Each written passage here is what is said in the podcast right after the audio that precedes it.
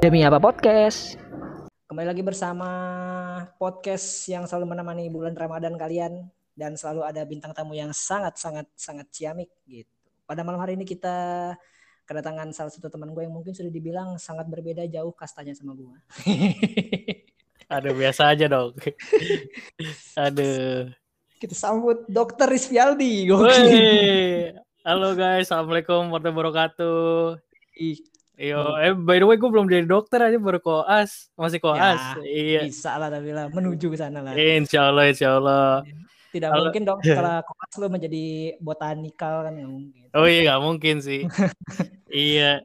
Eh ini apa nih penggemar demi apa podcast nih? Namanya kan kalau Om Deddy kan ini ya Hah? smart people ya. Kalau ini apa nih? Oh, gua ini ya me- mental illness. Oh mental illness. Halo, Tidak dong. halo guys, mental illness, selamat malam. Ya. Oke, Thank you banget nih bos. Lu udah mau datang di podcast kecil-kecilan gue. sama-sama Aris, makasih udah diundang juga. Jadi di podcast ini kita bakal ngomongin beberapa tema-tema yang, wah pokoknya di sini mah semuanya dibahas tuh. Dari tema yang random, tema yang emang benar-benar serius, sampai kita terakhir kemarin bahas itu pengeluaran eh pemasukan devisa di negara Kamerun. Wah gila, Jadi mantap ya. apa aja dibahas ini. Ilmunya, ilmunya sangat tinggi itu. Saya sendiri tidak paham itu. Kalau menurut gue sih, ya intinya alternatif itu ya pengobatan yang selain ini ya eh, penanganan medis yang modern gitu. Hmm. Ya biasanya kan ada yang herbal gitu-gitu ya, terus ada yang Hmm. metode-metode tertentu kayak akupuntur gitu-gitulah pokoknya. Hmm. Oh, akupuntur termasuk alternatif ya? Alternatif, ya, Oh, altern- iya. iya alternatif. Gua gua Hmm. di di kampus dulu ada modul, tapi ini Hmm. sih kayak apa sih istilahnya tuh kayak pilihan ya SKS ya. Oh, oke oke. Nah, ya gitulah. Nah, itu tentang akupuntur ada tuh dulu. Oh, Gitu. itu maksudnya diambil boleh nggak diambil nggak apa-apa maksudnya? Iya, itu maksudnya gitu. Oh, terus lu ambil nggak? Kagak, gua waktu itu kan gua gua disuruh pilih kan. Nah, gua ngambilnya yang olahraga, soalnya gue suka yang olahraga gitu. Lu suka olahraga apa lu suka pakai akal sehat aja gitu? Iya, itu juga sih. Terus tahu aja lu.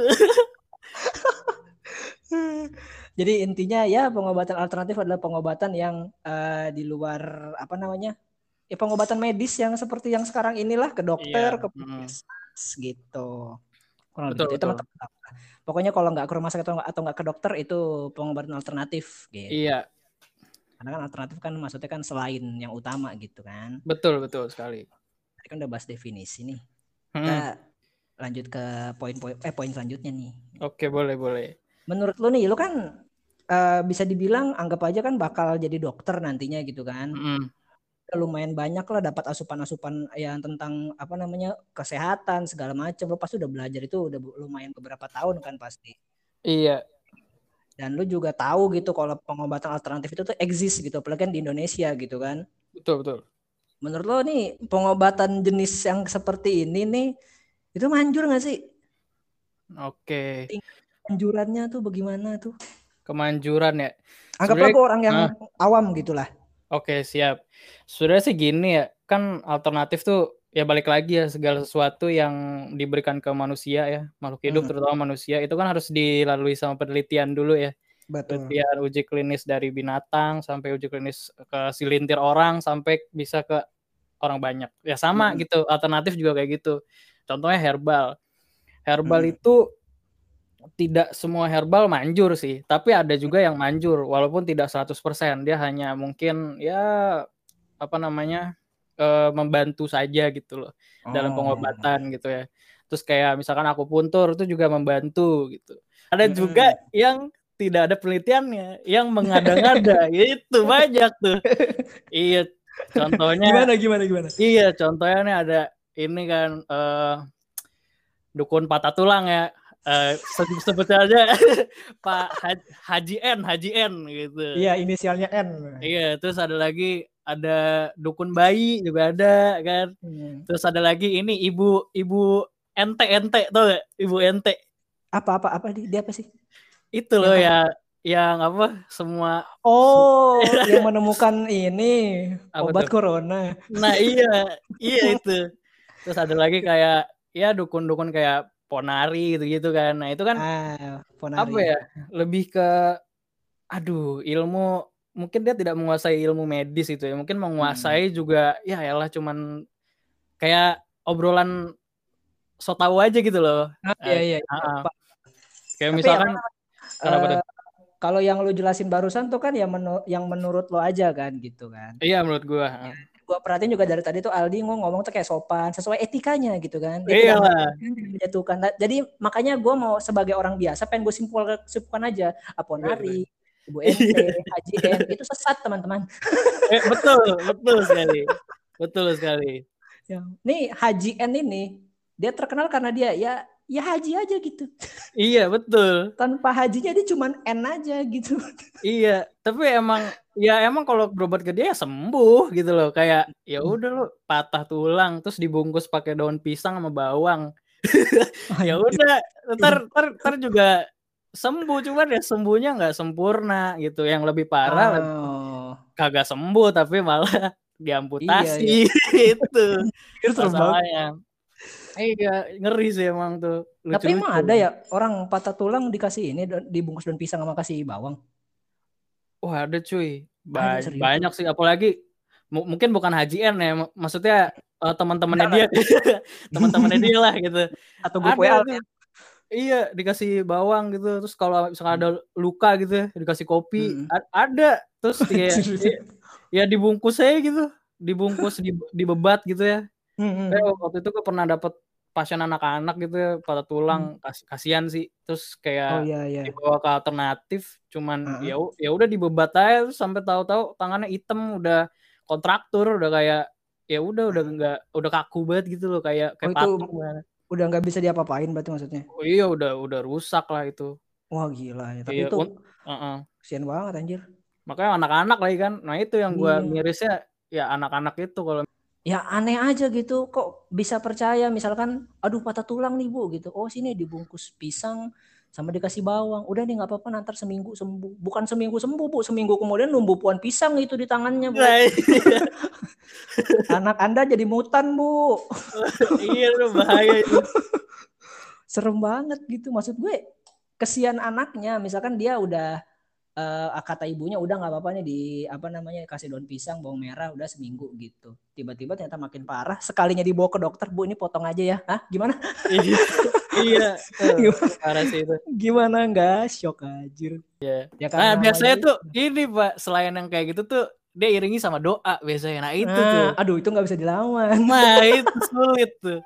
aduh. Iya, kalau udah berdoa berdoa aduh saya bisa apa iya didoa-doain gitu. Aduh, tapi kan deh. doa kan nggak bisa menyambung tulang yang patah gitu nyambung Iya. silaturahmi mungkin bisa iya betul mungkin gitu. bisa Mungkin doa doa bisa. tapi Iya. kalau doa tanpa ikhtiar ya Nah, nggak ikhtiar yang benar ya, ikhtiar yang benar gitu ya. Hmm. tapi kalau misalkan dibilang "I- iya saya ikhtiar kok habis dibaca doa dibungkus daun pisang bu itu ikhtiar di jalan setan Nah, iya. Salah itu.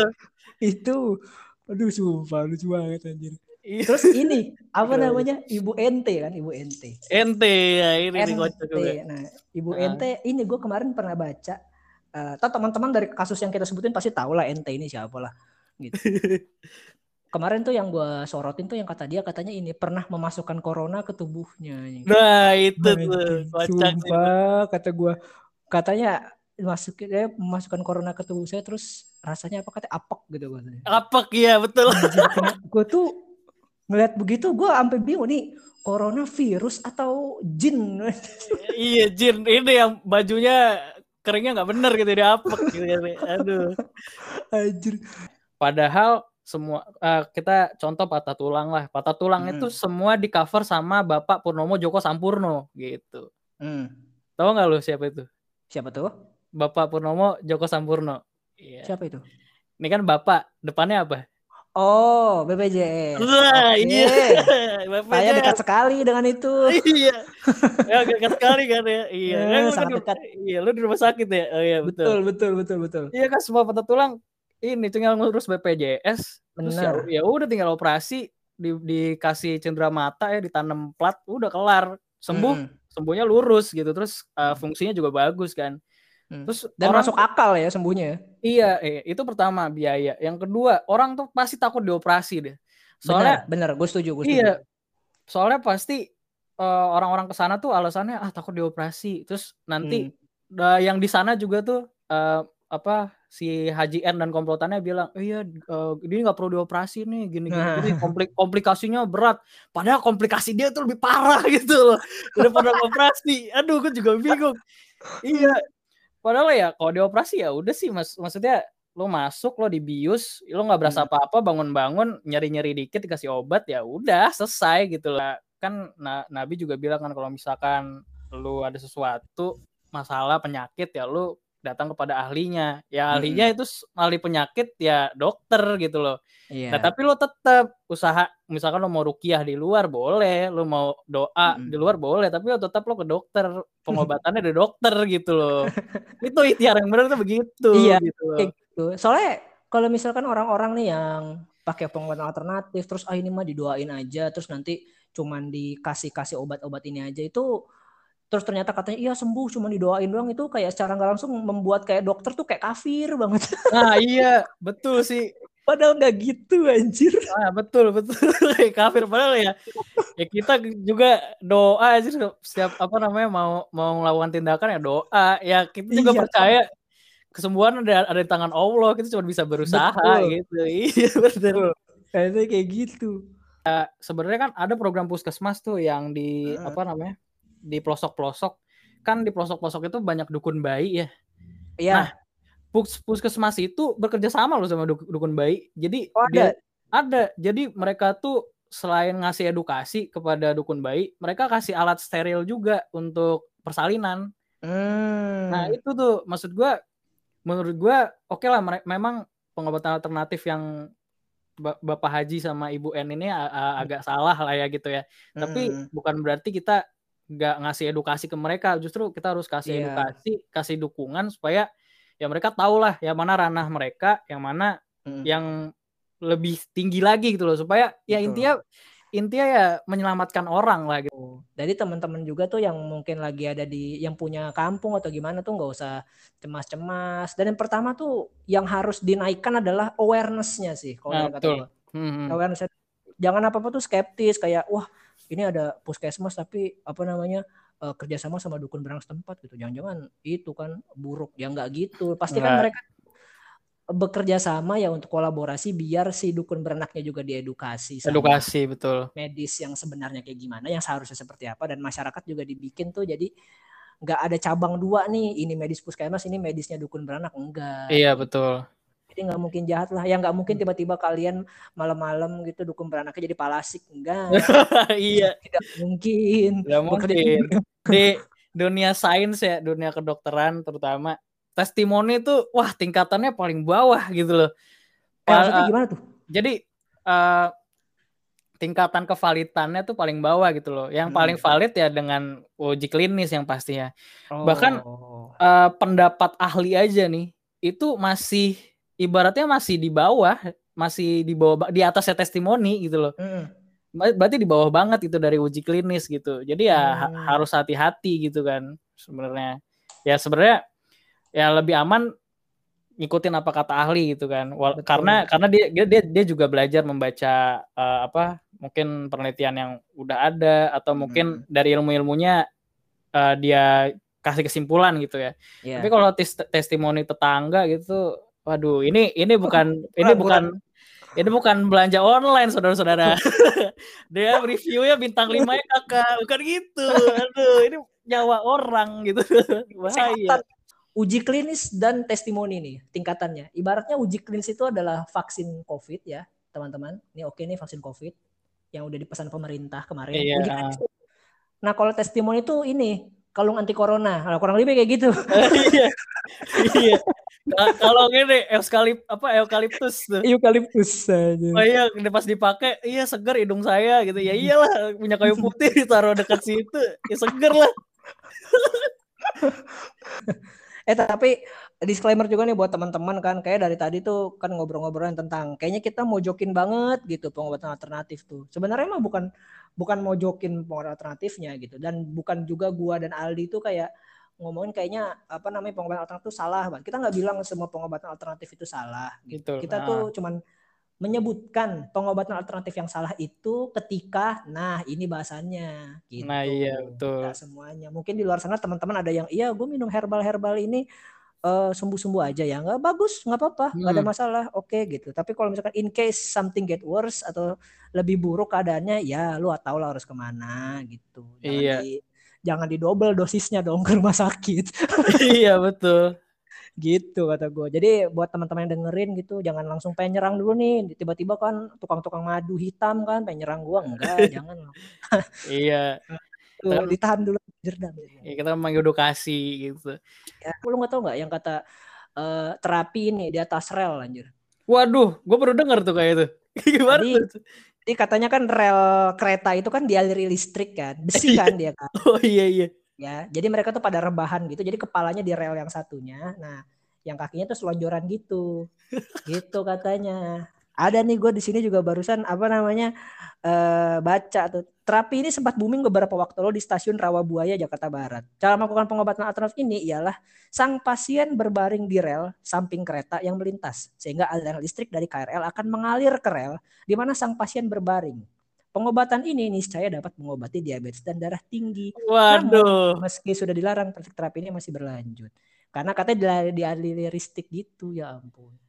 Mengobati diabetes dan darah tinggi loh, bukan mengobati diabetes dan darah tinggi ini membuat Anda meninggal bukan dengan diagnosa diabetes dan darah tinggi, Iya. tapi terserempet KRL Nah, betul. arah Gunung Putri. Aduh. Sumpah itu gak ada gak ada sangkut paut ya pak Allah Akbar ada ada siapa yang buat sih Anjir, sumpah. Aduh, Orang sedih. Jak- Jakarta loh, Jakarta Barat ini loh anjir, bukan di Aduh. kampung mana loh. Ada loh kayak gitu loh. Jakarta Barat kampus gua tuh wah kacau Itu urusannya udah bukan sama dokter lagi kalau udah aliran listrik dari kereta udah sama anak-anak teknik gitu. oh iya Bukan anak Aduh. lagi. Ponari tuh. nah ya Ponari tuh Kita bulat dia ini. waduh batu dicelupin ya terus dikobok-kobok diminumin sama semua astaga Eh, eh cu- cuman jujur dah, waktu itu Ponari booming kan lu kan belum apa namanya belum belum jadi belum koas dong pasti kan. belum lah Nah, lo sempat SMA gak sih kita Lo sempat percaya nggak? wah kok gak percaya lah gua Enggak itu SMP bro. eh SMP ya oh iya SMP iya anjir SMP. Iya, Lu iya, SMP. emang dari awal udah gak percaya tuh. gak percaya gak masuk akal astaga Kenapa sih kata gue?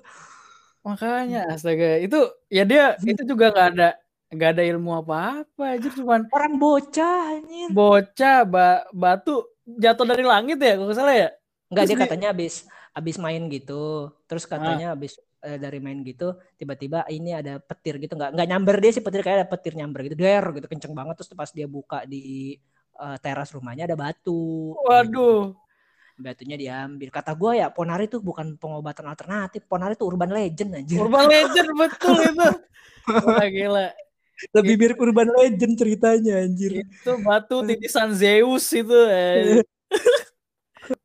sebenarnya tuh dokter tuh tugas utamanya tuh ini edukasi gitu loh. Supaya masyarakat tuh bisa mencegah gitu. Jangan kok dokter yang bagus menurut gua yang pasiennya sehat semua sepi gitu gak ada yang sakit gitu loh. Itu ya dokter yang bagus ya yang kayak gitu gitu loh tapi ya ya masyarakat ya banyak faktor X-nya lah gitu loh Bahkan mungkin bisa dibilang dokter tuh mengobati pasien tuh nomor dua, nomor satu tuh mengedukasi biar nggak sakit nggak sih? ya betul Harusnya kurang lebih seperti itulah. Itu yang Betul, utama. betul.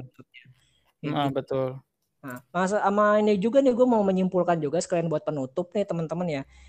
Ya lo koas ini eh, dari pertama kuliah nih masuk ke dokteran sampai akhirnya koas kayak sekarang itu udah berapa tahun bos? gua sekarang tahun berapa sih 2021 ya Hmm, 2021. berarti udah enam tahun cuy Lu enam tahun kan? iya Ya maksud gua gini loh teman-teman pendengar gitu ya mungkin teman-teman juga atau orang tua orang tua gitu masih ada yang percaya sama yang kayak gitu-gituan. Ya teman saya saja sudah enam tahun gitu belum jadi dokter sudah sudah tahu gitu apa yang salah gitu sama otak-otak orang yang nggak suka sama pengobat yang sukanya tuh ke pengobatan alternatif gitu. Masa lu masih nggak percaya anjir? Orang udah enam tahun. Enam tahun tahun mengabdikan diri saya akan membantu orang gitu. Tiba-tiba lu datang saya akan urut di haji N ya aduh sedih gue itu sumpah sedih orang banget. dokter-dokter yang lagi koas kalau semua orang Indonesia mikirnya kayak gitu nggak jadi dokter udah mending ngambil tata boga. Mending gue mending gue jadi haji N aja udah gitu loh. Iya, shortcut aja. Iya shortcut aja gitu. Tiba-tiba datang aduh patah nih. Ah nih Bismillahirrahmanirrahim. Dah dah udah udah udah bu. Kelar bu. Iya. Ya, Bu. udah patah tulang leher patah segala macam didoain doang. Ini doa untuk sembuh nggak itu doang? Besok udah meninggal. Iya meninggal ya. Aduh. Tahlilannya hamin satu. Aduh. Komik satu. Udah aja deh